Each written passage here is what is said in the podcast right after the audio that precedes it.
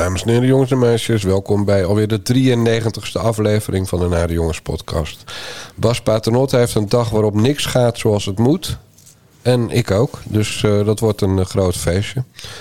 Uh, het vragenuurtje was kut. Dit was kut, dat was kut. De Marokkanen gaan straks de steden slopen. Dat is ook kut. Het is gewoon allemaal kut. Dus daarom ja. doen we een, een vriezen en dooien special, Bas. Het kan ja, vriezen dat, was, dat was dus mijn deel van de dag. Maar waarom was jouw dag? Waarom lukte bij jou niks vandaag? En wat was de bedoeling? Nou, ik moet heel veel dingen regelen voor, uh, voor de uitgeverij uh, van de renkenmatjes. Hmm. En, uh, ik heb heel veel andere dingen te doen. De Lada moest naar de winterstalling.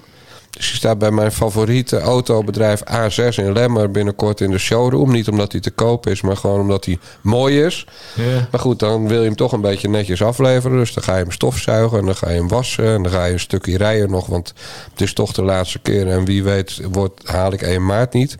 He, je weet het nooit met al die gekkies die, uh, die mensen bedreigen. Ja. Dus ja, dan ga ik toch een stukje verder rijden dan ik van plan was. En voor je het weet heb je dan weer 80 kilometer in die auto gezeten met gemiddeld 60. Ja, uh, maar waar, dag... moet, waar moet hij in de winterstalling? Ik bedoel, Omdat, uh, de dat... lader komt uit Rusland. Hebben ze de winter uitgevonden? Ja, maar, maar niet om 43 jaar zonder roest mee te gaan. Oké. Okay. Uh, dus hij kan heel goed tegen winter, maar waar hij heel slecht tegen kan is pekel op de wegen. Ja. Ja, en je weet in Nederland, zodra het KNMI zegt... misschien komt er volgende week sneeuw... dan rijden de strooiwagens de snelweg op. Ja. En dan wordt er overal van die vergoren pekel gestrooid... en dan roest die Lada, die zo gekoesterd is... en wordt, die, die roest dan onder je reet weg. Ja. Ja, gewoon klote dag. En dan staat hij dus lekker warm in de showroom. Daar gaat hij naartoe. Ze gaan hem natuurlijk nog even opknappen... hem nog mooier ja. maken dan hij al is. Ja, ja fijn hè? Ja, nou ja, mijn dag was dus kut omdat er het vraaguur viel tegen. En, en, en, en, en ik was dan met een ander verhaal bezig, wat helemaal niks bleek te zijn. Dus ja, je hebt soms van die dagen dat je allemaal dingen wilt doen, maar dat het dan gewoon niet mee zit. Nee, nee dat klopt. En hoe is het met jouw griep? Heb jij ook griep of niet? Nee, nee, nee, nee. nee. Ik, uh, ik voel me uitstekend. Nee, dat is dan fijn voor jou. Uh, maar ik heb dus ook nog, nog steeds griep. Net als ja. zondag. Koppijn als je bukt. Uh, je, gewoon snot in je neus. Hoesten. Echt hoestbuien. Uh, en het ene moment dat je denkt... Van, nou, ik kan de hele wereld aan. Hè? Ik, ben, ja. ik ben gewoon... Uh, kan 007 spelen desnoods, als die rol vrijkomt. Ja. Het andere moment zit je gewoon als een soort bejaarde sukkel in je stoel... met ik heb helemaal nergens zin in. Ik heb het soms heel koud, ik heb het soms heel warm. Bas, het is gewoon één grote ellende. Maar, maar je klinkt toch al beter dan... Ik ben absoluut dagen. beter, dat klopt. Maar ja. ik heb ook drie nachten gehad dat ik om acht uur naar bed ging s'avonds. Nou, ja. ja. Je, moet wel, uh, je moet wel je best doen dat het snel weer beter gaat. Maar ja, uh, niet de lezers van de Naar de Jongens podcast, uh, dat maakt niet uit. Maar die andere lezers, luisteraars, ja, die betalen ons, Bas. Ja, via ja, petjeaf.com slash naar de jongens. Dus dan wil je toch in elk geval volgende keer weer topkwaliteit leveren. Ja, toch? presteren, topprestaties leveren. Dat bedoel ik. Ik ga jou terugnemen naar 26 augustus van dit jaar. Uh, op 1, dat is een, uh, een avondprogramma op NPO uh, 1, televisie. Dus jij hebt dat toen ongetwijfeld niet gezien. We gaan luisteren naar een VVD-Kamerlid, Ruben, Ruben Brekelmans... die toen heel trots vertelde over de asieldeal die was afgesloten. Nou, blij is een groot woord, maar wel tevreden. En eigenlijk vanwege twee redenen. Eén is dat hiermee dwangmaatregelen zoals in Tubbergen van tafel zijn. En dat was voor ons heel belangrijk, want je zag de weerstand die het opriep... maar eigenlijk in alle gemeenteraden in Nederland uh, en heel veel VVD's die ook zeiden... van ja, we zetten de lokale democratie op deze manier buitenspel. En we moeten gemeenten niet op die manier overvallen. Dus dat is hiermee van tafel. Maar heel even tussendoor, is dat nou van tafel? Want ik begreep dat er nog een wet in de maak is... die alsnog gemeenten kan dwingen om, uh, om uh, mensen op te nemen. Nou, er wordt gekeken naar een wet om asielzoekers evenrediger over Nederland te verspreiden. Je ziet nu dat sommige gemeenten, provincies, regio's... die doen veel meer dan anderen. Dus in die wet die zal ertoe bijdragen dat dat beter wordt verdeeld. Maar de dwang zoals we die in uh, Tubbergen hebben gezien... dus echt dat een gemeente wordt overvallen met... op deze locatie komt nu ineens een asielzoekerscentrum. Wat mij betreft komt dat niet in de wet. Oké, okay, maar dan en het even, tweede ja. dus inderdaad het beperken van de instroom. Dus dat, we hebben altijd gezegd, als je deze crisis onder controle wil krijgen... dan zul je ook de instroom omlaag moeten brengen. Nou, je zag net aan het overzicht, er zitten een paar hele concrete maatregelen in... die daartoe gaan leiden dat de instroom omlaag uh, zal gaan. Ja, en of het voldoende ja. gaat zijn, ja, dat gaan we de komende maanden zien. De aantallen die genoemd worden is interessant. Bijvoorbeeld die, die Turkije-deal wordt een beetje, nou ja, eigenlijk bevroren. En dat zou er dan duizend schelen. Dat, wat, waar het nu natuurlijk vaak om gaat, is die gezinshereniging. Ja. Die daarna komt, dus met vertraging. Door de coronacrisis heeft dat natuurlijk extra vertraging opgelopen. Maar het lijkt mij dat die maatregelen ertoe leiden dat je het uitstelt, maar niet afstelt. Uiteindelijk komen ze. Ja, het, zijn, het zijn zowel aan verschillende kanten het zijn tijdelijke maatregelen, dus echt om deze crisis te bedwingen. Alleen met name die nareismaatregel, dat gaat nu om 200, 300 mensen per week. En daarvoor zal gelden dat die inderdaad dus eh, veel later zullen komen. En daarvoor geldt dat ze gewoon wel zullen komen. Want Ja. drie maanden nadat eh Brekelmans daar een overwinning zat te claimen... in die asieldeal, heeft de rechter gezegd... meneer Brekelmans, VVD, kabinet... dikke vinger met jullie eh, plannetje om gezinshereniging te voorkomen. Dat gaan we gewoon lekker niet doen. En Brekelmans zei gisteren toen dat met het eerste geval gebeurde... een vrouw uit Syrië met die geloof ik zeven mensen wilde laten komen.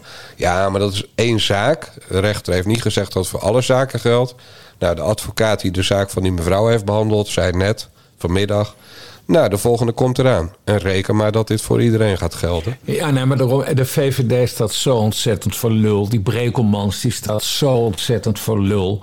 Eh, de, de, de staatssecretaris asielzaken, Erik van den Burg, staat zo ontzettend voor lul. Mark Rutte staat zo ontzettend voor lul. Die, die zei van het wordt een erezaak voor mij dat, we- dat we dit gaan aanpakken. De ChristenUnie, hè, die heeft het letterlijk nog tegen Van den Burg gezegd. Ja. Van zorg dat je juridisch op orde hebt, staatssecretaris. En de staatssecretaris had het niet juridisch op orde. Vraag advies aan de Raad van State. Weigeren Ja. die ook te doen. Ja. Maar er is ook nog de mogelijkheid dat de VVD dit natuurlijk gewoon wel wist... en dat ze weer tijd hebben gekocht. Die, dat ja, nee, alles kan. Maar het wordt, het wordt allemaal wel heel erg pijnlijk zo. En ook even over die rechter trouwens. Want ik snap wel, eh, de rechter is, eh, is samen met de Tweede Kamer ongeveer het hoogste instituut dat we hebben. We hebben bla bla bla bla bla. Maar de rechter doet wel veel uitspraken hè, die invloed heeft op ons allemaal. Ja. Of het nou over stikstof gaat, of over boeren, of over, nou, nu dus die asielzoekers. Maar de rechter zet er nooit een keer iets tegenover. Ja, dat is ook niet de taak van de rechter. Maar ik word er nu wel een beetje moe van. Ja, nu is dit dus weer afgeschoten. Eh, waarom zegt niemand in Den Haag... eh, iemand in het kabinet bedoel ik dan... we gooien gewoon die grenzen dicht. Klaar. We laten niemand naar binnen. Het, het- het kan niet meer nu. We zijn klaar ermee. Wat duidelijk is dat de rechters kijken naar elke wet, ook Europese regels. Ja. Eh, nou, en Nederland heeft overal bij het kruisje getekend. Maar om, om dat te kunnen doen, moet het denk ik toch wel weer een noodwet komen, Bas. En noodwetten kunnen ze alleen maar invoeren op het moment dat het gaat om eh, prikjes halen voor corona. Dan zijn ze er als de kippen bij. Maar in dit geval hebben ze geen enkel haast. En Erik van den Burg staat natuurlijk bekend als de meest linkse VVD'er. Die altijd riep, we willen meer, meer, meer, meer, meer asielzoekers. Ja, hoe meer asielzoekers, hoe beter voor Erik van den Burg. Precies. Maar goed, jij zegt dus ze staan voor lul, Bas. Nou ja, de VVD had zo'n grote smoel over Ja, die zogenaamde asieldeal. En dat het dus zelfs helemaal chefzag werd met Mark Rutte... die grote woorden ging spreken op dat befaamde congres eh, eind vorige maand. Ja. En nu staan ze allemaal voor lul. En die Brekelmans, wat ik een ontzettend irritant ventje vind trouwens. Want ik, ik wantrouw mannen die geen eh, baardbeharing hebben. Hè. Die Brekelmans, die heeft net zoals Siewert... van Ja, die- dat van die- klopt. Van Ja. die babybilletjes wangen. Ja. Dat vertrouwt, die, ik, ik weet niet... dat- Daar staan ik nog geen haren op. Nee, Ja, dat precies. Klopt. Ja. En de, dan, die vertrouw ik nooit. Heel apart is dat. Hij heeft al een kind, maar goed. Daar hoeft tegenwoordig ook niet meer zelf voor te zorgen. Hè? Nee, nee Kan in principe elke boerenlul kan een kind bij een vrouw maken. Ja, het kan. eh, Misschien was het wel de buurman. Weet Maar, ja, maar ik wilde dus net zeggen, toen voor jij over die gezichtsbeharing begon. Het is eigenlijk, ja, het is de Dirk Boswijk van de VVD. Maar ja, die heeft een baard. Ja, die heeft een baard inderdaad. Maar, wat, waar, hoezo is dan de vergelijking met Ja, ja onze- dat is ook zo'n loser. Die, die ging toch ook eh, voor de boeren opnemen. Ja, ja. Ja. Nou ja, en op, op het gebied van de boeren was er natuurlijk ook weer nieuws. Dat, dat Schiphol eh, voor Schiphol en voor Le- Airport Lelystad... eh, stikstofrechten aan het opkopen is door boeren over te nemen. ja. En dan doet iedereen alsof dat Schiphol is. Maar Schiphol is voor 90% van de staat van de gemeente Amsterdam en de gemeente Rotterdam. Ja, het is gewoon de overheid die nu zorgt dat er geen stikstofrechten vrijkomen... voor die pasmelders die voorrang zouden krijgen. Ja. En de discussie is een beetje weg over of vliegveld, Lely, of vliegveld Lelystad ooit nog open gaat. Maar ze zijn er gewoon aan toewerken dat dat open gaat. Ja, nou ja, in, voor, en voor, voor Lelystad wordt het, proberen ze dus ook die rechten te kopen, omdat het Ja. beide onder de Schiphol-groep valt. Er gebeurde nog iets grappigs eh, vandaag eh, op dat, eh, in dat dossier. De kerstverse minister van Landbouw, Piet Adema, die heeft bekendgemaakt dat hij wil dat banken en supermarkten de boer gaan helpen de boel te verduurzamen. En in het geval van de banken zou dat betekenen eh, dat ze schulden van boeren moeten kwijtschelden. Ja. Eh 10%. In het geval van de Rabobank zou dat alleen al gaan op 3,5 miljard euro. En supermarkten die moeten de vraag naar duurzame producten gaan stimuleren. Zodat eh, de boeren dus gedwongen worden duurzamer te gaan produceren. En het ministerie van Landbouw heeft aan NRC Handelsblad, of NRC het er tegenwoordig, heeft het, eh, die, dat bevestigd, dat Adema dat eh, van plan is. Maar vervolgens is NRC gaan bellen met, met de Rabobank en met, eh, met het, ik, hoe heet het, het Centraal Bureau Ja. Levensmiddelenhandel. Detail, ja. Dat is zeg maar de, de brancheorganisatie van de grootgutters. Nou, de grootgutters die weten, de supermarkten weten dus van niets. Die zijn niet benaderd door het ministerie van Landbouw. En de Rabobank die zegt van ja, we zien helemaal geen mogelijkheden om leningen kwijt te schelden. Dus die, die, die Adema, die staat nu al voor lul gewoon. Ja.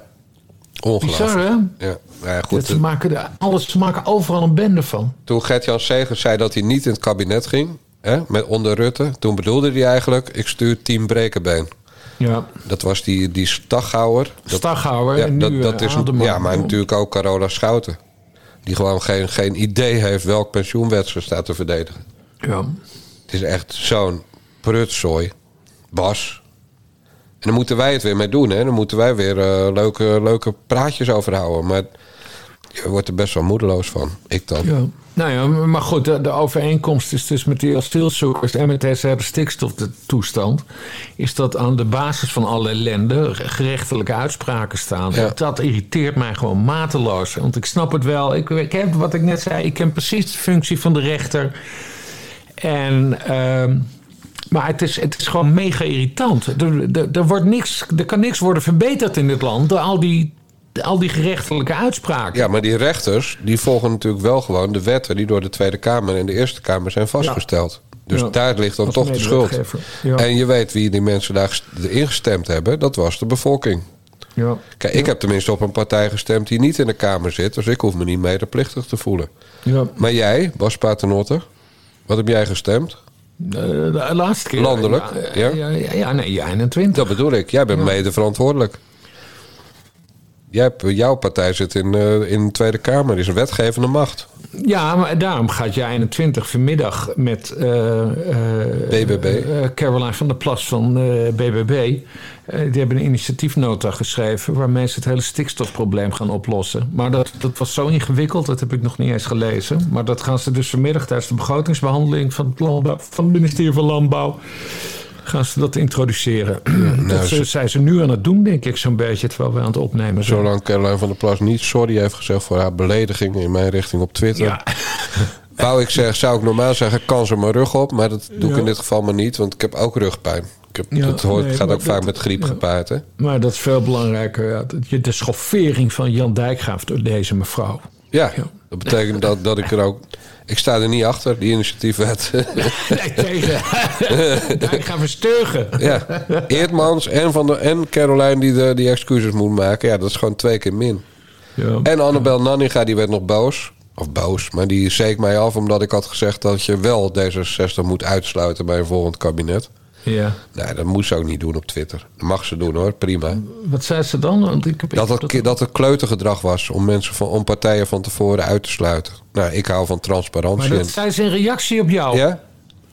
Jezus, dus Caroline van der Plas en Annabel Nanninga... die zijn eh, ja, ik las op althans. je aan het inhakken. Ja, het is wat. Zwaargewichten, Bas, zwaargewichten. En, en trollen, eh, trollenlegers tegen je aan het opzetten. Ja, maar net, hey, net nu ik zo zwak ben qua gestel, hè?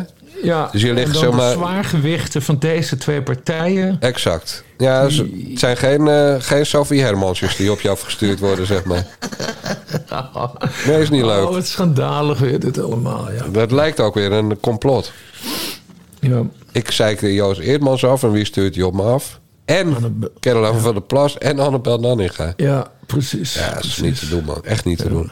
Ik, Nou, ik mag die dames bij- meer dan, eh, dan die in ieder ja, geval. absoluut. Nee, ik zit ook maar te dollen, want eh, Annabel Nanninga, dat is geen kwaad woord. Je weet dat als zij lijsttrekker wordt van Ja 21, dat ik eh, die partij serieus overweeg. Ja. Maar goed, Eerdmans is onbetrouwbaar. Ja, vind jij, daar denk ik anders over. Maar eh, Dat staat jou vrij. En wij, wij gaan niet onze goede relatie op de, zeg maar, eh, op de waagschaal stellen voor Joost Eerdmans. nee, nee. Want voor je het weet zit hij weer bij een andere partij. Ja, Goed, ik zei het kan vriezen en, en er vallen doden. ja, ja.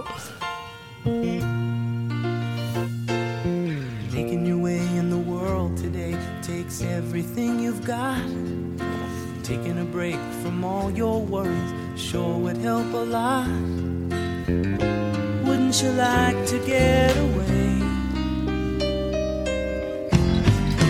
All those nights when you've got no lights, the check is in the mail. And your little angel hung the cat up by its tail. And your third fiance didn't show. Sometimes you wanna go where everybody knows your name. And they're always glad you came. You wanna be where you can see our troubles are all the same. You wanna be where everybody knows your name. Gisteren is ons Kirsty Ellie ontvallen, Bas Paternotte, op 71-jarige leeftijd, overleden aan kanker. En toen zag ik, me, zag ik zo voor me van 1987, Basje Paternotte, brilletje, vette haartjes, pyjamaatje aan, voor de buis, cheers, elke week. Zie ik dat goed of niet? Lijkt me echt helemaal een serie voor jou. Ja, en ik heb Chess wel gekeken. Ik weet, ik weet eigenlijk alleen niet meer precies van eh, welke periodes zij daarin meespeelde. Vanaf Maar even- 87, een jaartje of 5, 6. Oh ja, nee, dan, heb- ja, nee, dan, heb ik het, dan, heb ik het, dan heb ik haar natuurlijk wel gezien. Ja, nee, want in 87 keek ik als jochie wel. Eh, ja, nee, Cheers heb ik natuurlijk gezien. Ik heb, ik heb nog een heel lijstje gemaakt eh, vanmiddag even snel. Welke serie? Ik, ik heb echt namelijk belachelijk veel series gekeken. Die A-Team, Ships, Cheers, Hill Street Blues, Dukes of Hazzard. En dan ook nog een zoutje eh, Britse series heb ik gevolgd. Ik heb echt heel veel tv gekeken vroeger. Terwijl Ja. ik nu dus nauwelijks tv meer kijk. Niet, zeg je altijd. Ja, nou ja, eh, eh, tenzij er iets heel belangrijks is. Maar in principe kijk ik dus geen tv meer. Nee. En nou, helemaal geen, nauwelijks NPO. Koningsdag kijk je eigenlijk. Ja, ze was wel een lekker wijf hoor, altijd. Ze is 71 geworden, begreep Ja. ik. En, eh, en ze, ze, was, ze is ook wel eens heel dik geweest. Maar in de jaren 80, het, het lekker wijf. En ze had een soort schorre stem had ze. Ik vond het wel een hele ravissante eh, verschijning. Maar Ze was ook een beetje crazy, hè? Want ze zat, ze zat bij Scientology, meen ik. En ze, ze, is ook wel eens, ze heeft volgens mij ook wel eens issues met drank gehad en vechten Hero, ja, heroïne, oh, heroïne ook? cocaïne, cocaïne. Oké, Ja. ja. Ja. maar dat, eh, dat viel mij ook op. Want ja, ik weet dan gewoon cheers en verder zal het allemaal wel. Dus dan ga ik naar eh, Wikipedia. ja. Uitstekende bronnen. Eh, en ja, wat mij dan eigenlijk opvalt is dat er eigenlijk... als je haar bijvoorbeeld vergelijkt met Nederlandse actrices... dat je zoveel meer over haar weet door een 10 minuten op Wikipedia. Want Scientology inderdaad, nou, dat afvallen, dat klopt. Ze was op een gegeven moment hartstikke dik. Toen eh, werd ze een soort eh zegsman, zegsvrouw van een, eh, van een of andere afvalgoeroe. Toen Ja. viel ze heel veel kilo's af. Of de Weight Watchers gewoon zelfs Ja, dat mij. kan ook wel. Maar goed, Ja. viel ze heel veel kilo af. En toen eindigde die relatie, de zakelijke relatie. En toen werd ze weer een tonnetje rond. Ja. Misschien hadden we het wel in plaats van de Friese en dode special... de dikke wijver special moeten noemen trouwens. Ja, maar ik vond, ik vond het wel een grappig wijf. Absoluut. Als actrice, maar ook als gast in talkshows en zo. Ja. En wat, wat ik nog weet eh, van de, de, de verkiezingen... dat het ging tussen Trump en Hillary Clinton... toen we nog niet wisten hoe gek Trump het zou gaan maken daarna... toen heeft zij gezegd... eh, ik, ben, ik ga niet stemmen op Hillary Clinton... maar ik ga stemmen op Donald Trump. Ja. Want hij is de, hij is de non-politicus. En dat vond ik wel heel stoer van haar. Want daar heeft natuurlijk heel veel gezeik mee gekregen. Dat kost de handel. Eh, ja, absoluut. Omdat, omdat voor politiek correct Amerika Trump sowieso fout is. Was toen al. Zonder dat we al wisten dat hij zou oproepen tot bestormen. eh, via later van, eh, van het congres en zo. Maar dat, dat, dat weet ik ook nog. Maar ja, eigenlijk dat is het laatste wat ik van haar heb gezien. Dat ze, dat ze, dat ze zich bemoeide met, met die verkiezingen tussen Clinton en, en Trump. Ja. En daarna is ze helemaal van mijn eh, radar verdwenen. Tot eh, gisteren dat nieuws kwam. Dat ze plotsklaps aan kanker was Ja, overleden. nou ja, het was al een tijdje bekend. Maar eh, het is wel Nou, snel ik gegaan. dat het, dat, het, dat het heel kort... Ja. Nee, maar het, ja, in, in mijn wereld is een week ook een tijdje. Maar het was een paar weken of maanden. nou, Ja. Hey, heb, je, maar heb jij ook Zwiebertje nog gezien? Dat is natuurlijk helemaal iets voor jou. Herhalingen, dat werd herhaald. Maar Swiebertje, dat was nog zwart-wit. Dus dat... eh, Dat vond je dus- niks. Dus, toen, nee, maar toen was ik nog niet geboren natuurlijk. Nee, maar ik bedoel, als toen je terugkeek. Of ik dat leuk vond? Ja. Nee, nee, nee. Ik vond er volgens mij geen reet aan. En eh, Tita Tovenaar? Ja, dat heb ik wel gezien. Dat, dat was met een soort kasteel in de wolken, meen ik. Ja, Ton Lensink. Ja, en Maruska. Lacunes of zoiets. Nee, ik vond, ik vond de Amerikaanse series vond ik gewoon gaaf. Hill Street Blues en Chips. Dat ging over die twee motor, eh, motoragenten in Californië. Eh, Dukes of Hazzard, de A-Team. Nee, ik was gek op die Amerikaanse series. Die heb ik echt eh, verzwolgen. Vers- nee, verslonden. Verslonden. Zo heet dat, ja. En ik werd door ze verzwolgen. Hey, en dus gewoon niks Nederlands. Nee, nee. Ja, welke series had je? Eh, ja, Stille Kracht heb ik, heb ik in de herhaling gezien. Met Willem Nijholt, klopt dat? Uh, Pleunie Touw, Ja. Ook. toen ze nog een lekker wijf was. Maar daar was ik eigenlijk te jong voor, want dat was doodeng. Hè? Dat was allemaal van die Indische, Indische geesten en zo die, eh, die eh, voorbij kwamen. Ja. Dus daar, dat vond ik allemaal een beetje eng. Maar, En ja, dagboek van een herdershond? Ook nee, niet? dat vond ik gereed aan. Vond ik gereed aan. Terwijl jij nee, echt die Amerikaanse dingen met politie. Dat vond ik leuk. Schieten. Ja. En Cheers was natuurlijk leuk, maar dat kwam vooral omdat, ze, omdat je zoveel gave karakters daarin hebt. Eh, die dikke Norm, die altijd aan het bier Ja. drinken was. En eh nou, Ted Danson natuurlijk. En je had Woody Harrelson als de iets wat dommige, eh, dommige hulpje. Ja, en dan, dan, had je, dan had je haar dus. En eh eh, kom, hoe heet die? Fraser, wat later een e- eigen serie Ja, is geworden. klopt. Dus nee, ik vond, ik vond, ik vond Cheers wel heel erg leuk. Ja, de, en die, die dikke gozer, dus die Norm, die altijd bier aan het drinken was... die had iedere aflevering had hij een, een soort, soort line... eh, waarmee hij bier bestelde. En mijn favoriet, want die, die ben ik nooit vergeten...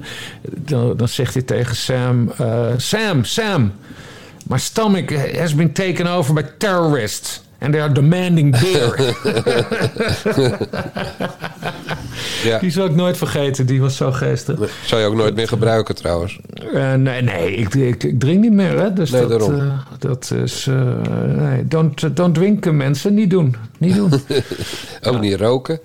nou, maar goed, heb jij, alle, heb, jij, heb jij het allemaal gevolgd vroeger? Cheers en zo? Of, eh, Ja, ik was natuurlijk wel, seriekijker namelijk. Zie je mij niet als seriekijker? Nee, volgens mij niet. Wij zijn zelfs ordinaire binge-watchers hier. Ja, is dat zo? Ja, ik heb bijvoorbeeld eh, vorig weekend...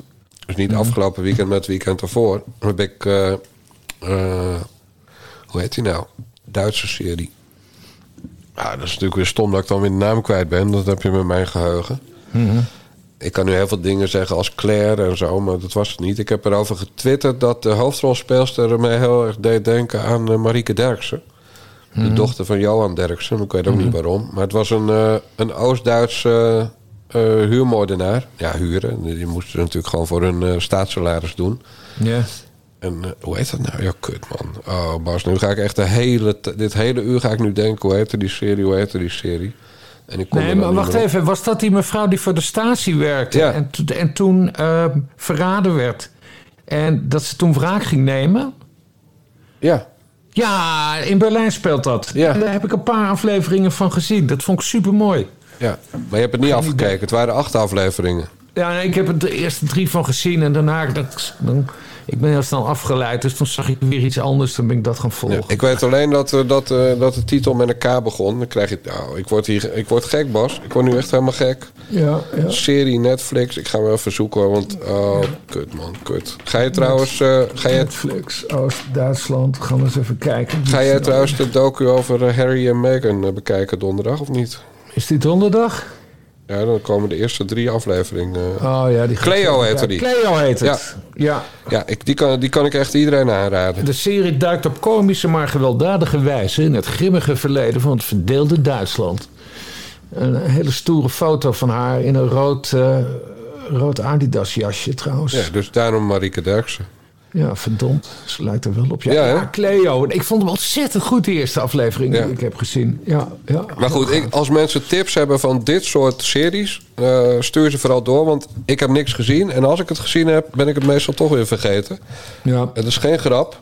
Want ik heb ooit eh, eh, de kleine Bob Dijkgraaf tot wanhoop gedreven... toen ik de clue van een film verraadde. Omdat ik hem op het eind herinner ik me opeens... oh, die heb ik wel gezien. En, eh, en toen zei ik... Maar, oh, was dit die film waarin dat ventje doodging? Nou, dan, toen, had ik, toen was Bob heel boos. En Het is eigenlijk nooit meer goed gekomen op filmgebied tussen Bob en mij. Oh man, ik heb een, eh, een ex-vriendinnetje die eh, zoiets uithaalde op een, op een feestje. Eh, waar, al mijn, waar zeg maar al onze gezamenlijke vrienden waren. Het ging, het ging uiteraard over Naomi. En toen had je die, eh, toen had je die film eh, over I Can See Dead People. Ook met dat jongetje die dan de doden kan zien. En Bruce Willis, die is dan zijn psychiater. En die film was net in de bioscoop. En, en wij gaan van een feestje. Ik, was jarig of zij was jarig. En toen hadden we het dus over die film. En ga je er nog heen? Vroeg, we- vroeg iedereen aan elkaar. Ja, nee, heel veel zin in. Naar de bioscoop. En toen zei Naomi van... Oh, ik heb hem al gezien in de bioscoop. Want ze was met haar vader er toen heen gegaan. Dus we hebben het echt over eind jaren 90 Ja. nu. En eh, ja, nee. En, en Bruce Willis, de psychiater, die is dus eigenlijk dood. en dat is dus fucking de clue van de... Ja. Ja, ja, dat heb ik dus ook geflikt. De clue van de film. Maar echt iedereen die ik kende, er waren, dat waren 30 mensen, heeft ze de clue voor. voor gewoon. En toen heb je het er aan de kant gezet. of Ja, niet? Niet lang daarna was dat. ja. Om die reden ook, of niet? Nee, niet om die reden. Waarom dan? maar, eh, nou ja, met mijn hele vriendenkring. Ik was woedend op dan natuurlijk. Ja. Eh, nee, ik heb het niet uitgemaakt omdat mijn vrienden daar niet mochten. Maar het, het, het was wel allemaal in die, in die periode in ieder geval. God, hoe heet die film nou? Bruce Willis. Dead People. Nee, maar dat was de vraag niet. Ik, weet, je weet, ik onthoud niks, maar wel mijn eigen vragen. The Sixth Sense. Oh dat ja, de was, Sixth Sense. Zo heette die. Het, het Ja, kan nee, best dat, eh, dat we het over dezelfde film hebben. Ja, Ja, dat kan best. Maar goed, Bob Dijkgraaf gaat mij ongetwijfeld een appje sturen... want die luistert eh, altijd trouw mee of terug. ja, ja. ja dus dan kom ik, kom ik erop terug. Maar ik was mijn vraag niet vergeten, Bas. En jij ook niet, weet ik. Want je hebt een zeer goed geheugen. Waarom heb je die Naomi aan de dijk gezet, Bas Paternotte? Nee, maar dat is veel te privé. Dat gaat niemand wat aan. Ja, maar niemand kent dat mens. Ze is volledig in de... Ze werkt niet meer voor Panorama als sterverslaggever. Ja, ja. Zoals- Nee, maar nee, nee, nee. Dat is, er, moeten, er moeten nog mysteries blijven. Dus dat, dat nee, nee, Ging ze vreemd? Nee, nee. Nee joh, ik zit te dolle man, dat snap ik ook. Ik, heb, ik weet nog hoe ze eruit ziet. Echt, echt, Dijkgraaf. We gaan naar het volgende onderwerp. Oké, dan doen we dat joh, mijn best. Sinterklaasje. Was het wat zuinig dit jaar? Nou ja, goed, we moeten allemaal een beetje op de centjes letten. Hè? Ik bedoel, maar ik word wel helemaal krankjorum van al die zonnepanelen op het dak.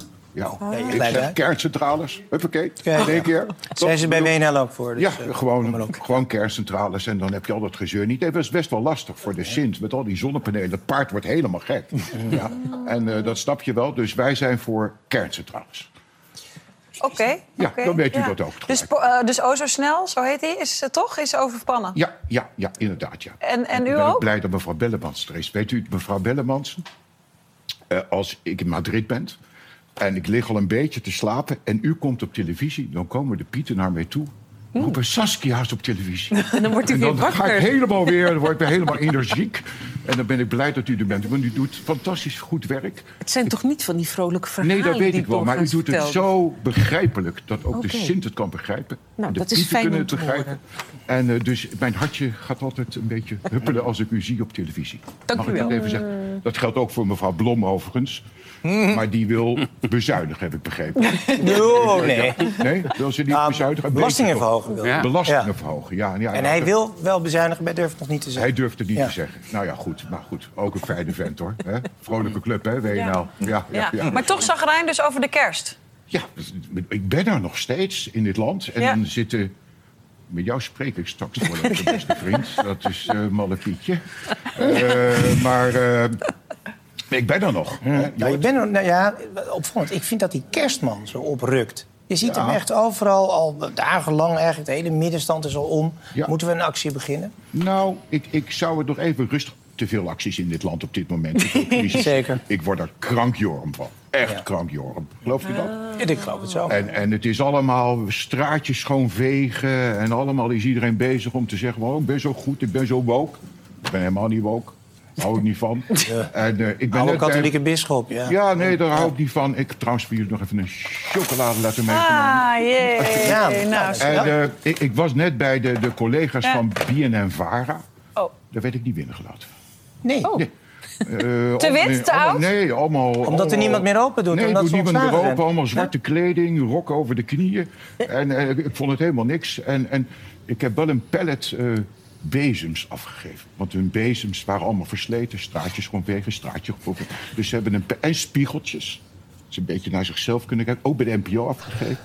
Sinterklaas Jan Slachter van eh, Omroep Max bij eh, Op 1 van WNL. Dus vandaar de veer in de reet van WNL. Ja. Ja. zeg jij het maar. Nou, ik vond het wel grappig omdat het zo awkward was. Maar ik zag dat, eh, dat ze heel veel kritiek erop hebben gekregen. Eh, eh, het mooiste vond ik wel eh, dat hij over die kerncentrales begint. Eh, want Andy Palmen, dat is de directeur van Greenpeace Nederland, die tweette erover. conservatieve boomer, die zelf een sprookje is, vertelt sprookje waar heel veel toekomstige generaties last van gaan hebben. En dat kon ik natuurlijk niet over mijn kant laten gaan. Dus ik heb die, tweet geretweet. Want eh, die kerncentrales, dat is niet een of ander idee van een boomer. Nee, degene die die twee kerncentrales gaat bouwen is 35 jaar oud. En dat is eh, de minister van Klimaat, Rob Jetten van D66. Dus meneer van, eh, meneer van Greenpeace die heeft niet helemaal doorgehad... eh, wat hij hier nou eigenlijk weer activistisch probeert te tweeten. Nou ja, goed, ja, en verder Jan Slachter. Ik mag graag naar Max kijken, dat wel. Met Koninginnedag, hè, dan nemen ze altijd op, eh, op Paleis Soesdijk. Vind ik altijd mooi. Dan zie je het, oude paleis van, eh, van koning Juliana en prins Bernhard... zie je dan weer eens en zo. Dus ik vond het, ik vond het wel grappig. Het is een beetje awkward, hè. Het is je, een beetje die dronken oom... Dat cliché die dan verkleed als Sinterklaas het, het familiefeest komt, eh, komt opleuken. Maar ik snap alle kritiek eigenlijk niet zo. Echt niet? Nee, man, het is, het is gewoon. Ja, Dit, dit- dit is de NPO. Dit, dit, dit. Ja, maar sinds... eh, Oké, sinds een week of twee is, schijnt er iets aan de hand te zijn... met een, het bekendste gezicht van BNN-Vara. Namelijk Matthijs van Nieuwkerk. Ja, ja, En ja. Sinds een week of twee loopt Jan Slachter in zijn rol van, van Omroep eh, Max, voorzitter en directeur. Loopt hij het op te nemen voor vooral Frans Klein, ja. de Mao van, eh, van het Mediapark, eh, de Napoleon van Hilversum en de baas van de NPO. En dus ook degene die zorgt dat, eh, dat Jan Slachter geld krijgt voor al zijn programma's. ja. Nou, en, en op het moment dat die slachter dan Sinterklaas speelt, dan misbruikt hij nog zijn rolletje bij op één. Om die strijd te, te voeren en BNN Vara te beschuldigen van straatjes schoonvegen. Terecht overigens, dat hij ze daarvan beschuldigt, want dat Ja. doen ze. Eh, maar dat is toch niet nodig als je Sinterklaas bent. Dat, en, en kijk, ik zeg één ding in het voordeel van Jan Slachter. Hij durft tenminste wel te zeggen dat hij een bruine arm wil halen bij Frans Klein. Omdat hij verwacht dat Frans Klein gewoon ongeschonden uit dat onderzoek komt. Of in elk geval mag blijven. ja. En omdat hij dan trouw was, een loyale soldaat. Dan zegt Frans Klein, nou beste Jan, haal nu je hand maar uit mijn eh, kont. Je arm. ja. Tot je schouder zit je erin. En ik ben het wel zat. Ik moet ook gewoon poepen.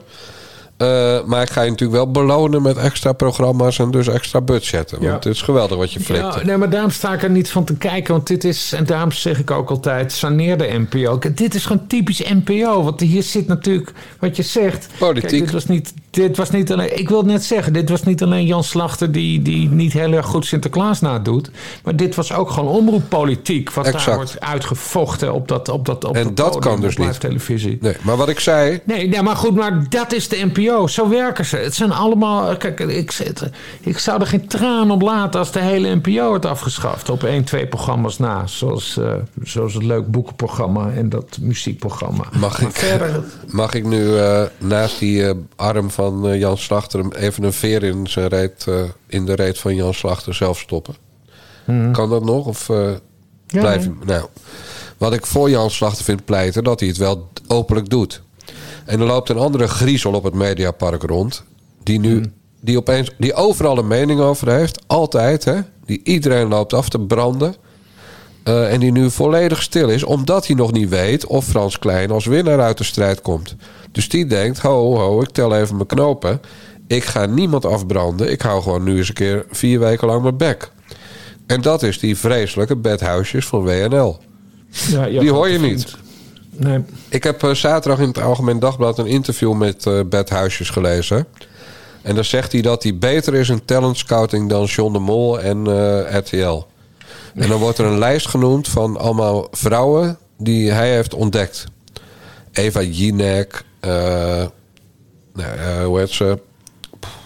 Hoe heet ze, joh? Nee, goed. Ik, ik ben gewoon die namen kwijt. Zo, het is niet de koorts, want ik maak een grap. Het is omdat ze helemaal onbeduidend zijn op Jinek na. Dus we hebben het over eh, eh, Leonie de Braak, Maaike Timmermans... eh, die muts die bij een Vandaag zit... die met die Italiaanse politicus getrouwd is... Donatelli, Pistoleni, nou, ja, weet ik veel. Ja, ja, Allemaal jonge wijven.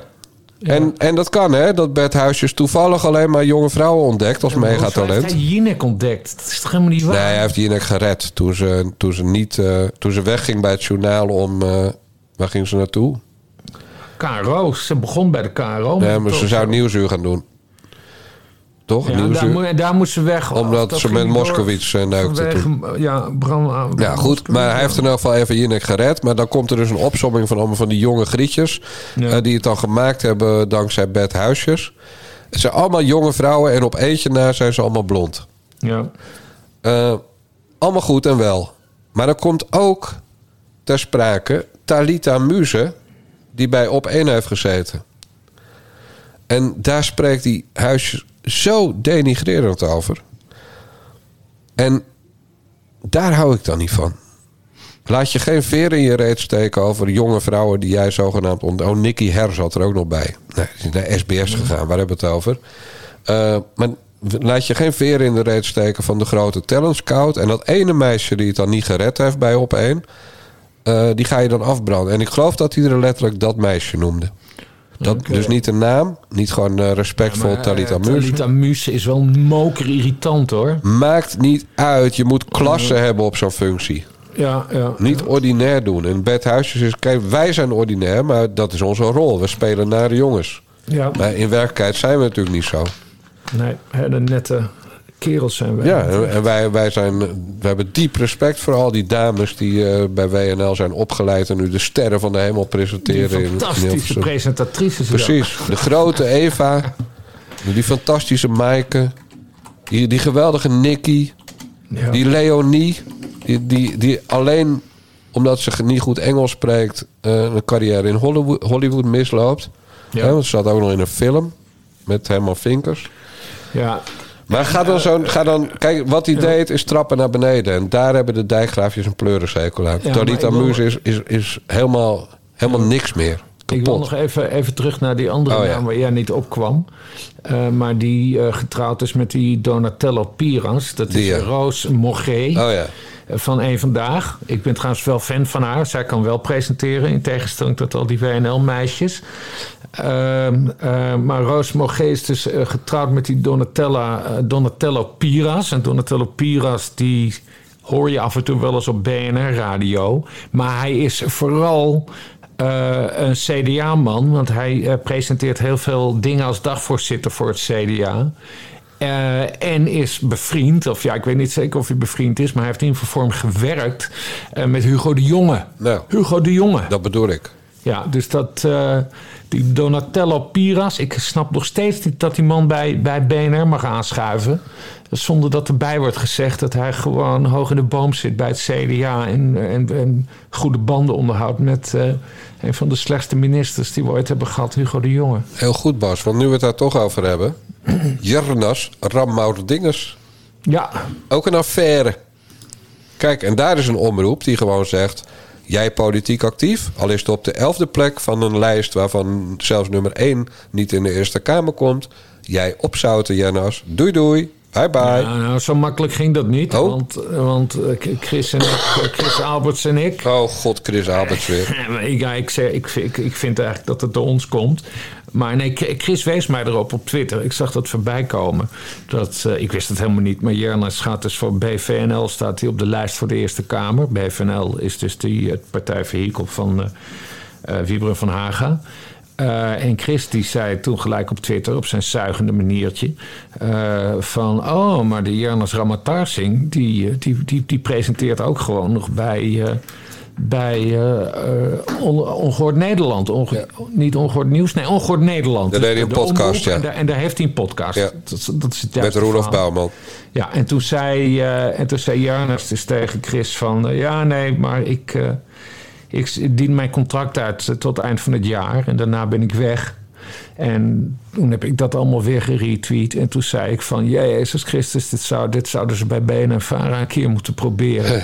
dit, is, dit is gewoon helemaal niet goed, man. Wat is dit? Saneer de NPO. Saneer Ja. de NPO, weg met ongehoord nieuws. En diezelfde dag, toen kwam er opeens een persbericht... dat uh, Jernas uh, Ramatarsing per direct eh, weg was. Ja. Dus jij hebt eigenlijk die zo maat... hoort het. Ja, ik weet niet, ik weet niet of, het, of, of, of Chris en ik door Maar Chris- Twitter het zo, zo ver hebben gekregen. Ja, maar tuurlijk. zo hoort het natuurlijk wel. Het beste voorbeeld eh, is, zeg maar, toen ik net in de journalistiek, daar al een tijdje in de journalistiek zat, maar toen het net eh, dat ik ook over politiek begon te schrijven, dat was in de aanloop naar de verkiezingen van 2002 dat ze bij Elsevier toen Pim Fortuyn direct eruit hebben gezet... toen, uh, toen bekend werd dat hij uh, de politiek in wilde voor Leefbaar Nederland. Toen heeft de hoofdredacteur, die nog steeds hoofdredacteur is... maar wiens naam ik niet ben vergeten... Arendo Joustra. Arendo Joustra. Die heeft toen direct gezegd... nou Pim, dan, uh, dan lever jij deze week je laatste column in... want ik kan geen lijsttrekkers hebben. Hier scheiden onze wegen. Hier scheiden onze wegen. En Fortuyn die is daar ontzettend down van geweest. Ja. Want hij had eigenlijk verwacht dat hij gewoon bij Elsevier kon blijven schrijven. Uh, en tegelijkertijd uh, uh, dus de politiek in kon gaan. Maar dat, dat heeft Joustra toen echt heel, heel goed gedaan, vind ik. En ik denk dat ieder medium dat zou moeten doen. zodra iemand actief wordt in de politiek, gooi je hem eruit. Ja, maar hoe vind je... gedaan bij TPO, hè, met Annabel Nanninga. Ja, hoe vind jij dan dat je het moet doen met mensen die... Of wat, wat moeten mensen doen die overwegen de politiek in te gaan? Bijvoorbeeld solliciteren aan naar het burgemeesterschap van Hilversum. Terwijl ze hoofdredacteur van een niet nader te noemen courant zijn. Ja, Pieter Broertjes, dat doe je nu natuurlijk. Ja, en dat is de enige. Ja, maar, ja nee, maar dat, dat, is, dat, dat is natuurlijk wel een, uh, wel een probleem. Uh, ik weet niet meer hoe ze heet. Uh, zij was heel lang geleden fractievoorzitter van de PvdA in, in de Eerste Kamer. Uh, maar daarvoor was hij journalist bij, uh, bij de NOS in, in, in Den Haag. Dus parlementair verslaggever. Het is echt heel lang geleden. Roethoff? Uh, nee, maar ze, ze, was in ieder geval al bezig PvdA, actief te worden bij de PvdA. En dus verkiesbaar te worden voor de Eerste Kamer. Terwijl ze dus nog gewoon verslaggever was ja. voor het NOS Journaal in Den Haag. er zijn dus mensen die dat doen, hè, die dat dus stilhouden die dus stiekem bezig zijn met de politieke carrière, ja. maar ondertussen wel uh, uh, uh, doen alsof ze onafhankelijk journalist zijn. Ja, dat vind ik niet kunnen natuurlijk. Nee, dat snap ik. En bij Fortuyn ging het dus nog een stap verder, want die was niet eens journalist, maar die was gewoon columnist. En daarom is het zo goed dat Joustra zo, zo, zo, hoe heet dat, strak in de, in de lijn was. Strak in de leer. In de leer. Ja. ja. Maar die Jennas, ja, die is een soort co-host met Roelof Bouwman, of was hij? Ja. Die, dat betekent dus weer een, een, een zwaar verlies voor Thierry Baudet. Want daar zat hij toch uh, bij mijn weten. Ja, ja, Het is bijna net zo'n zo, zo'n klap voor Thierry als dat Sint-Lucas zou zeggen... ik ben niet meer de partijfilosoof. ja. ik stop ermee. Ja, er is ook. Ja, er was, ik zag dat er enige toenadering is tussen uh, Sid, eh, Lucas en, eh, en, en Baudet. Ze zaten samen ook. Ja, hebben ze ook een soort podcast opgenomen of een filmpje of zo, weet ik veel. Want vroeger hield Baudet nog een beetje afstand van, eh, van Sid Lucas, hè, omdat hij wel heel erg crazy eh, kon, kan zijn. Eh, maar dat is, die, die hebben elkaar helemaal in de armen gesloten. En eh Ramatar Singh, die heeft dus inderdaad wat afstand genomen van Forum. Nou ja, als je bij BVNL op de lijst gaat staan, ben je gewoon weg daar. Exact. Ja, maar BVNL, ja, elf, elfde of tiende plek heeft hij. Het is natuurlijk kansloos dat hij dat doet. Ja. Dus is ook buitengewoon dom, lijkt mij. Ja, maar goed, Ongehoord Nederland kennende. Kijk, als, hij, eh, eh, als we de Eerste Kamerverkiezingen achter de rug hebben... dat, dan, dat Ramatar Singh dan zegt van... eh, nou, oké, het is eh, mislukt en nu neem ik er weer afstand van. Ja. En, eh, mag, ik, eh, mag ik terugkomen? Arnold, mag ik, mag ik alsjeblieft terug? Mag ik mijn podcastje komen maken? Alsjeblieft, Arnold, mag dat op kosten van de belasting betalen? Nou ja, en dan zegt Arnold, nou oké, vooruit dan maar. Ja, want Arnold is niet rancuneus, hè? zo kennen we hem niet. Nee, dat klopt. hey, maar eh, wat natuurlijk wel interessant is, en daarom vroeg ik van als je bezig bent met, op welk moment gaat de Reisa Blommestein dan bekendmaken dat ze op de lijst komt bij Forum voor de Tweede Kamerverkiezingen? Ja, gaat ze dat doen? Geen idee. Ze is natuurlijk bevriend met... eh, oh god, hoe heet ze nou? Die andere blondine. En Eva is Vlaardingenbroek. Eva Vlaardingenbroek. En die is juist weggegaan bij Forum. Ja, maar die Eva die, die zweeft boven de aarde. Die, die lult alleen nog maar Engels. Ja, Eh, dus, en op een gegeven moment denkt Reisa toch van waar verdien ik het meest en waar eh, kom ik het best op mijn recht. Ja. En er moet toch wijn geschonken worden bij Forum, eh, bij de wekelijkse borrel. ja, precies, precies. Ja, nee, als, als Kamerlid eh, verdien je op zich wel, wel lekker. Maar goed, het is zo'n freakshow. Dat, dat voor, ik heb geen idee wat die reis daar verder van, eh, van plan is. Ik ben zo blij dat ik dat allemaal niet zo volg. Ja, nee, ik Als ik eerlijk gezegd voor dat ik ook iedere week naar dat ongehoord Nederland zou moeten kijken, man. Dat, dat, dat, dat, ik, ik heb daar helemaal geen zin in. Hoe vaak, heb, hoe vaak kijk jij nog sinds eh, Ahmed eh, met zijn rolstoel van het podium hebben geflikkerd? Nul keer, toch? Ja, nul keer. Ik ook, protesteer. Gewoon uit protest zal ik nooit kijken. Ja, nee, maar mijn Marokkaanse broeder op zo'n manier Gehandicapte Marokkaanse broeder. Gehandicapte Marokkaanse broeder op zo'n manier afserveren. Nee, is walgelijk, Ja. En je weet nog dat... De NPO, ik, ik kan het niet Nee. vaak genoeg Je benadrukken. weet nog dat wij Ahmed in de uitzending hadden. En dat hij toen echt Mhm. een kwartier lang niet wilde toegeven op, op welke schandalige manier hij eruit was gegooid. Maar ik begreep dat er toen ook een touw om zijn nek zat. Hè? dus dat, ze, dat er iemand bij de, bij de handgrepen van zijn rolstoel stond. Bij een podium. Ja. En dat zegt ze, ja, het was echt zo'n beeld voor hem van ja, als jij iets verkeerds zegt, vriend, dan, eh, dan, dan duwen we. En dan, Ja, ik begreep dat hij, ik begreep, ik begreep dat hij, dat hij eh, op een valluik stond of zo. Of Ah, dat kan ook wel, ja. Ja. Ja, ja, dat, dat heeft Ahmed dan tegen jou waarschijnlijk verteld. Maar- Of met dat karretje, dat ze hem zo de trap af, afduwen of zo, weet ik veel. Ja. Ja. Bas, je hebt eigenlijk wel gelijk. Nadat hij bij ons in de uitzending zat trouwens, heeft, is hij toch nog één keer komen opdraven. In, Als eh, deskundige. In, dat, in, de, in dat ongehoord nieuws als deskundige. Maar daarna hebben, we, daarna hebben we nooit meer wat van hem gehoord, volgens Wat mij. wel leuk is trouwens, Bas, is om af en toe een column van Arnold zelf op YouTube terug te kijken. Bas? Ach, die Arnold Karskens, wat is die afgegleden zeg. Ja, ik geloof dat hij nog steeds achter oorlogsmisdadigers aanloopt. Dus in die zin is hij nog wel goed bezig in zijn vrije tijd. Ja, ja die stichting, dat die, eh, Ja. die- ja, nee, dat, dat, dat absoluut. En daar, daar heb ik ook altijd respect eh, voor, eh, voor gehad. En daar heb ik het ook heel vaak met hem over gehad. Ik ga nu niet weer dat verhaal vertellen dat ik een eh, Nederlandse oorlogsmisdadiger in Duitsland met hem wilde oppakken. nee, dat ga je niet vertellen. En Dat ga ik niet vertellen. En dat, Dat heet geloof ik een van- petritio of zoiets in, eh, in de retorica, heb ik vanochtend geleerd. Oh? Ja, ik weet niet precies. Maakt ook niet uit. Het is allemaal veel te moeilijk voor de boze FVD'ers die nu alweer zijn afgehaakt. En die niet naar petjeaf.com slash naar de jongens gaan om ook abonnee te worden voor onze extra's. Denk ik maar zo. Ja. hey Bas. Maar ik, ik bedenk me nu dat we een bruggetje hebben voor het volgende onderwerp, namelijk de Tweede Wereldoorlog. Ja, precies. We gaan luisteren naar iemand van Blond Amsterdam... die op de radio eh, reageerde op de ophef over de Anne Frank mok. Mm, ja, we hebben natuurlijk wel ervoor gekozen en met een reden ook voor Anne Frank gekozen. Ja, daar ga ik vanuit dat er een reden achter zit. Zeker, dus ik, ik snap eh, uw punt zeker, maar... eh, Nou, wat, is de reden punt- dan? Want dan, daar ben ik- Nou, ik benieuwd naar. Ja, nou, het is natuurlijk eh, een hele Hollandse collectie met al ons trots, zeg maar. En we vinden het toch heel dapper wat Anne Frank, zeg maar, heeft gedaan ehm, met haar dagboek. En dat het alsnog voortleeft en dat wij nu in deze tijd alsnog, ehm, ja, ja, zeg maar, daar, ja, niet per se aan het negatieve vlak daar aan terug kunnen denken, maar wel... Ja, aan de meid, aan de sterke, ja, independent woman, zullen we zo maar zeggen. Independent Wo- zij zij Ja. moest onderduiken hè, voor, de, voor de Duitsers. Ze, ze, ze werd, ze werd gedwongen zeker. om, om eh, zich te verstoppen. U weet dat Anne Frank in Bergen-Belsen is overleden, hè? Dat weet ik, ja, meneer. Hoe kan je afgaan?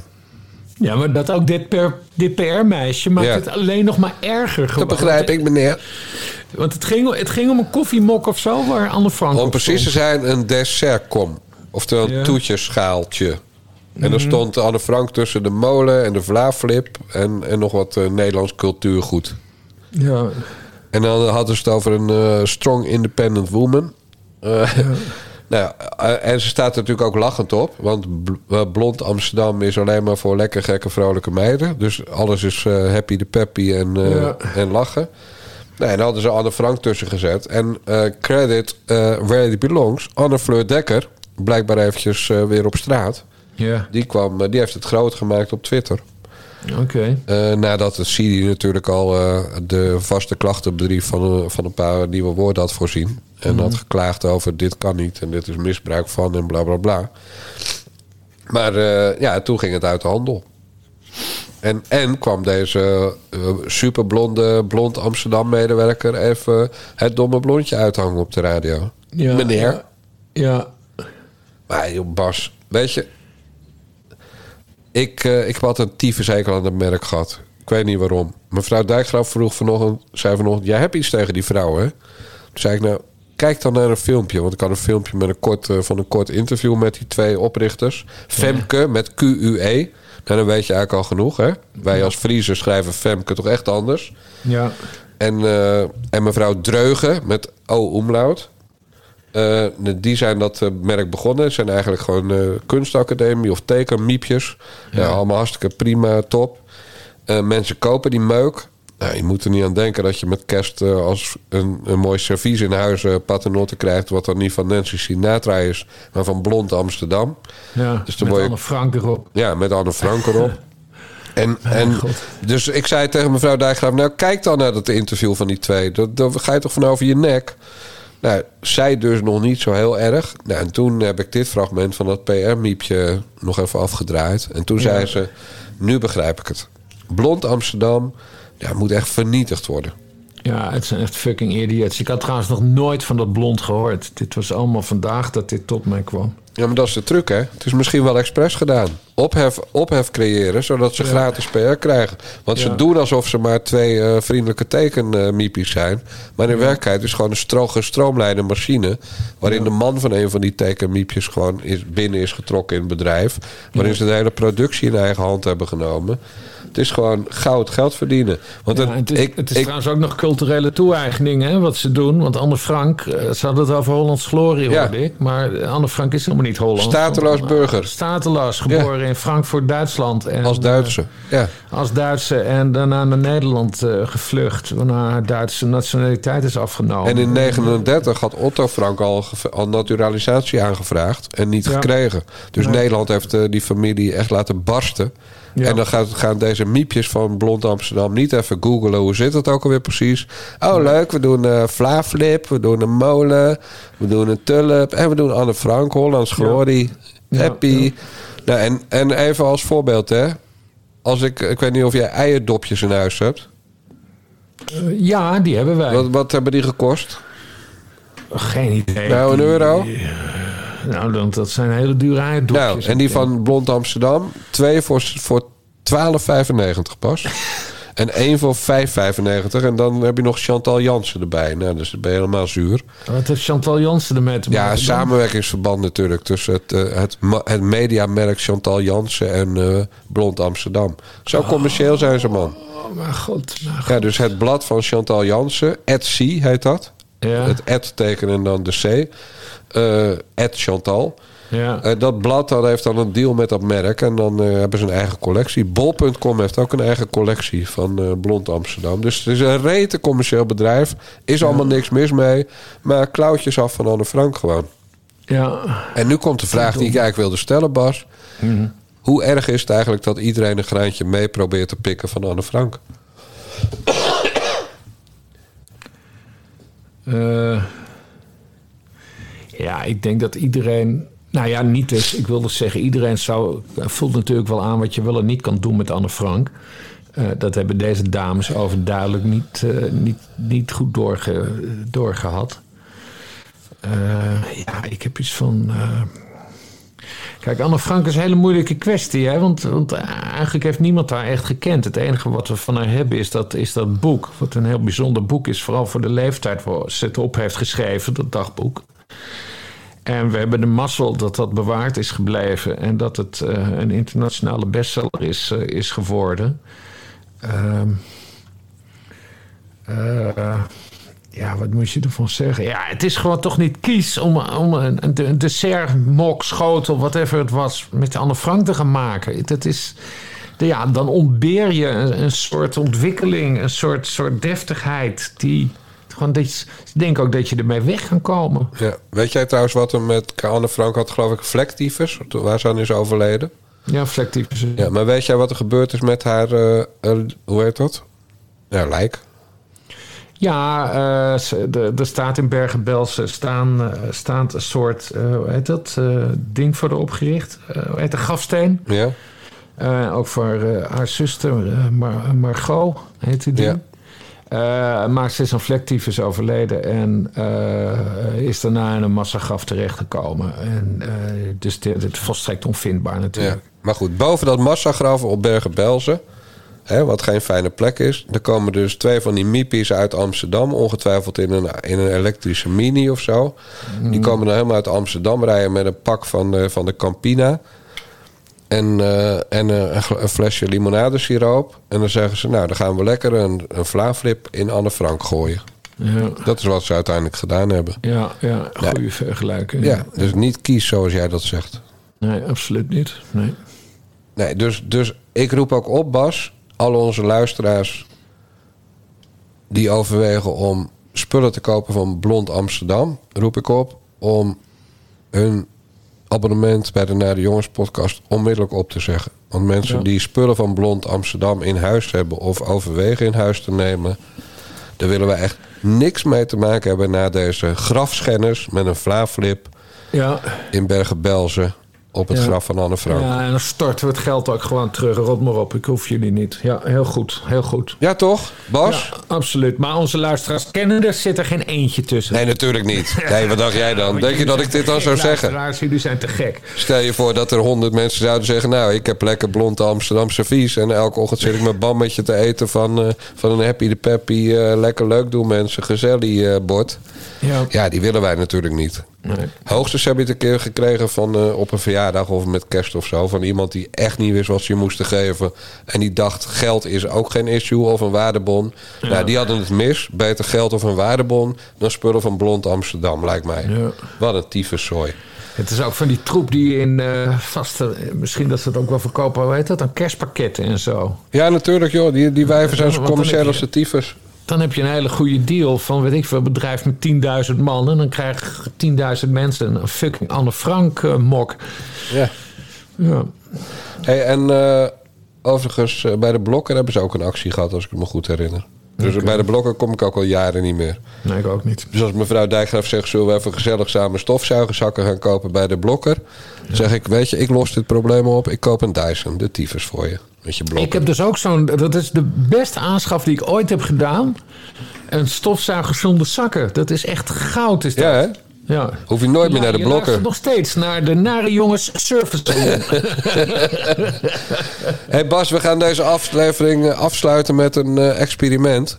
ja. Ik ga jou een tekst voorlezen die ik op internet heb gevonden van een bekende Nederlander. ja. De bedoeling is dat jij raadt wie het is. Als jij niet raadt wie het is, dan ga ik na die tekst een eh, muziekstukje, een mopje muziek instarten van die persoon. Ja. En pas op het moment dat jij raadt wie het is, wil ik, ben ik bereid het geluid uit te zetten. Ja, Het is kutmuziek namelijk. oké. Eh, en je moet niet, verder, niet wild gaan gokken. Je hebt in totaal drie kansen. Oké. Dus om, om, jij mag drie keer een naam noemen. En als je het goed hebt, zal ik het eh, meteen zeggen. En dan stoppen we met de ellende. Als je Ja. het niet goed hebt, dan, ga- dan ga je nu gewoon een minuut of vijf ja, mensen wegjagen. Oké, dus ik, ik- je gaat eerst iets voorlezen Ja. en dan hoor ik een fragment. Exact. Oké. En beste mensen, Bas Paternotte krijgt altijd een draaiboek van tevoren.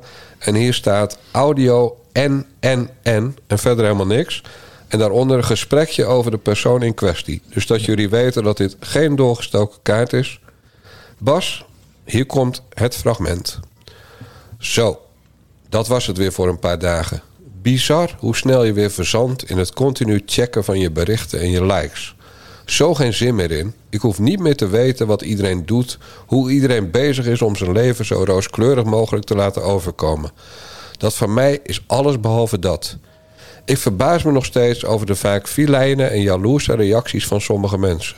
Voor alle duidelijkheid, ik heb 35 jaar heel hard gewerkt om te komen waar ik nu ben, heb mijn geld op een eerlijke manier verdiend en niet op een criminele manier verkregen. Ik vind het jammer dat het hele social media landschap zo verhard is geworden, maar ook de algehele teneur zo onwijs negatief is geworden. Gelukkig zijn de positieve reacties in de absolute meerderheid. In het kader van de kerstgedachte gun elkaar wat licht en ruimte, probeer een zo goed mogelijk mens te zijn en help een ander in plaats van te laten vallen. Wees vooral lief voor elkaar en ik hoop oprecht dat 2023 een jaar wordt van verzachting en verlichting voor iedereen. De wereld is echt zoveel mooier en beter en echter en leuker als je in de realiteit staat. Ik meld me over een tijd weer. Heb je al een idee? Ja, ik, ik, ik heb dit gelezen. Ah, Ik kut, dit- kut, kut, Nee, kut, ik kut. heb dit deze week ergens gelezen. Maar ik kom er niet op wie het is waar ik het heb gelezen. Nou, dan gaan we nu eh, de muziek instarten. Never,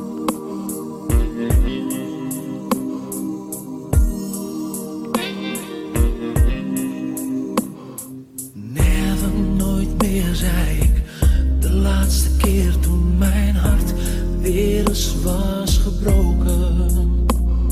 Die levensgevaarlijke val van de liefde. Was ik één keer te vaak ingelopen. Prap, ik heb op de knop gedrukt. Ja, zeg het maar. Gordon natuurlijk. Ja. Nou, dan gaat hij uit. Dus, de- Maar waar heb ik het gelezen dan dat Gordon dat zei? ja, op Mediacourant. Ah, ik heb het dan op Mediacorant gelezen. Ja. Natuurlijk. Nou, heel goed. Mijn- Best wel snel. Maar goed, hij was dus eh, maanden geleden vertrokken van alle social media. En deze week Ja. was hij weer teruggekomen. Ja, want hij zat in Dubai. Ja, daar zit hij nu. Daar woont hij. Oké. Ja, hij is geëmigreerd met die twee kutterlikkertjes van hem. En dan doe ik op honden. Ja. Niet op mannen.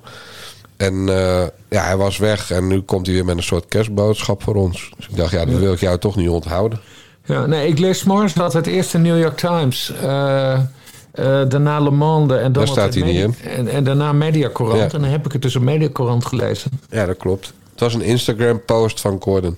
Ja, oh, en er stond ook nog bij, bij de, bij de promo voor Down the Road. Aanstaande dinsdag ben ik te gast in op 1. Ja. En woensdag samen met Herman en Blijker in half 8, SBS 6. Verder een hoop radio-interviews, et cetera. Dus zij had ook wel een reden om weer terug te komen op Instagram voor een paar dagen. Hij moest Ja. eventjes reclame maken voor zijn nieuwe tv-programmaatje. Je hebt, je hebt een ruzie met hem gehad, toch? Ja, hij noemde mij een strontvlieg. ja, dat kan je toch niet maken? Bedoel, je kan alles over me zeggen. Lilliputter, schimmelpenning, kale, kleine, dikke. Alles kan je maar strontvlieg. Ja. Toen had ik alleen maar in de column opgeschreven... welke ziektes die allemaal gefabuleerd had in de, de jaren Ja. daarvoor. Ja. En weet je nog dat toen die aanslag in Nice was op de boulevard... dat hij toen niet naar Nice was gevlogen die dag... en toen twitterde... nou, zo komt het wel heel dichtbij. Ja, ja, Want ik ben precies. niet naar Nice geweest. En hij had ook reuma en had psoriasis. Psoriasis, ja. Ja, ja, ja. ja, oh man, die heeft zoveel ziektes gefabuleerd. Of gehad, dat kan ook natuurlijk. ja.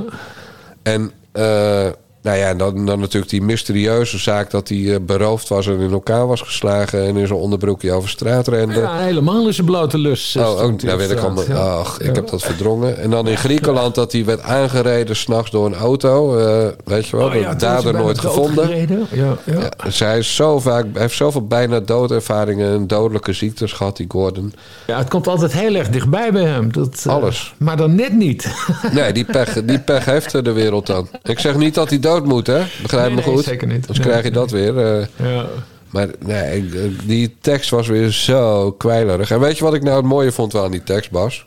Hmm. Afgezien van alle taal- en tikfouten die hij maakt. Bijna elke BN'er zou met dit soort teksten kunnen komen op dit moment. ja. Altijd hard gewerkt, eerlijke manier mijn geld verdiend. Jammer dat Ja. social media zo verhard zijn. Ja. Positieve reacties in de absolute meerderheid. Gun elkaar Ja. wat licht en ruimte. Probeer een zo goed mogelijk mens te zijn. Help een ander in plaats van te laten vallen. Wees lief Ja, voor zou- elkaar. Het zou Claudia de Breij kunnen zijn. gewoon. Iedereen? Ja, ja, ja, Ja. al die lui. Behalve Sigrid Kaag. Ja. Nee, Sigrid Kaag, die, zou, die kan dat niet zo. Die kan totaal niet. Die heeft, die heeft totaal niet de empathie die een Gordon heeft. Nee, nee, nee.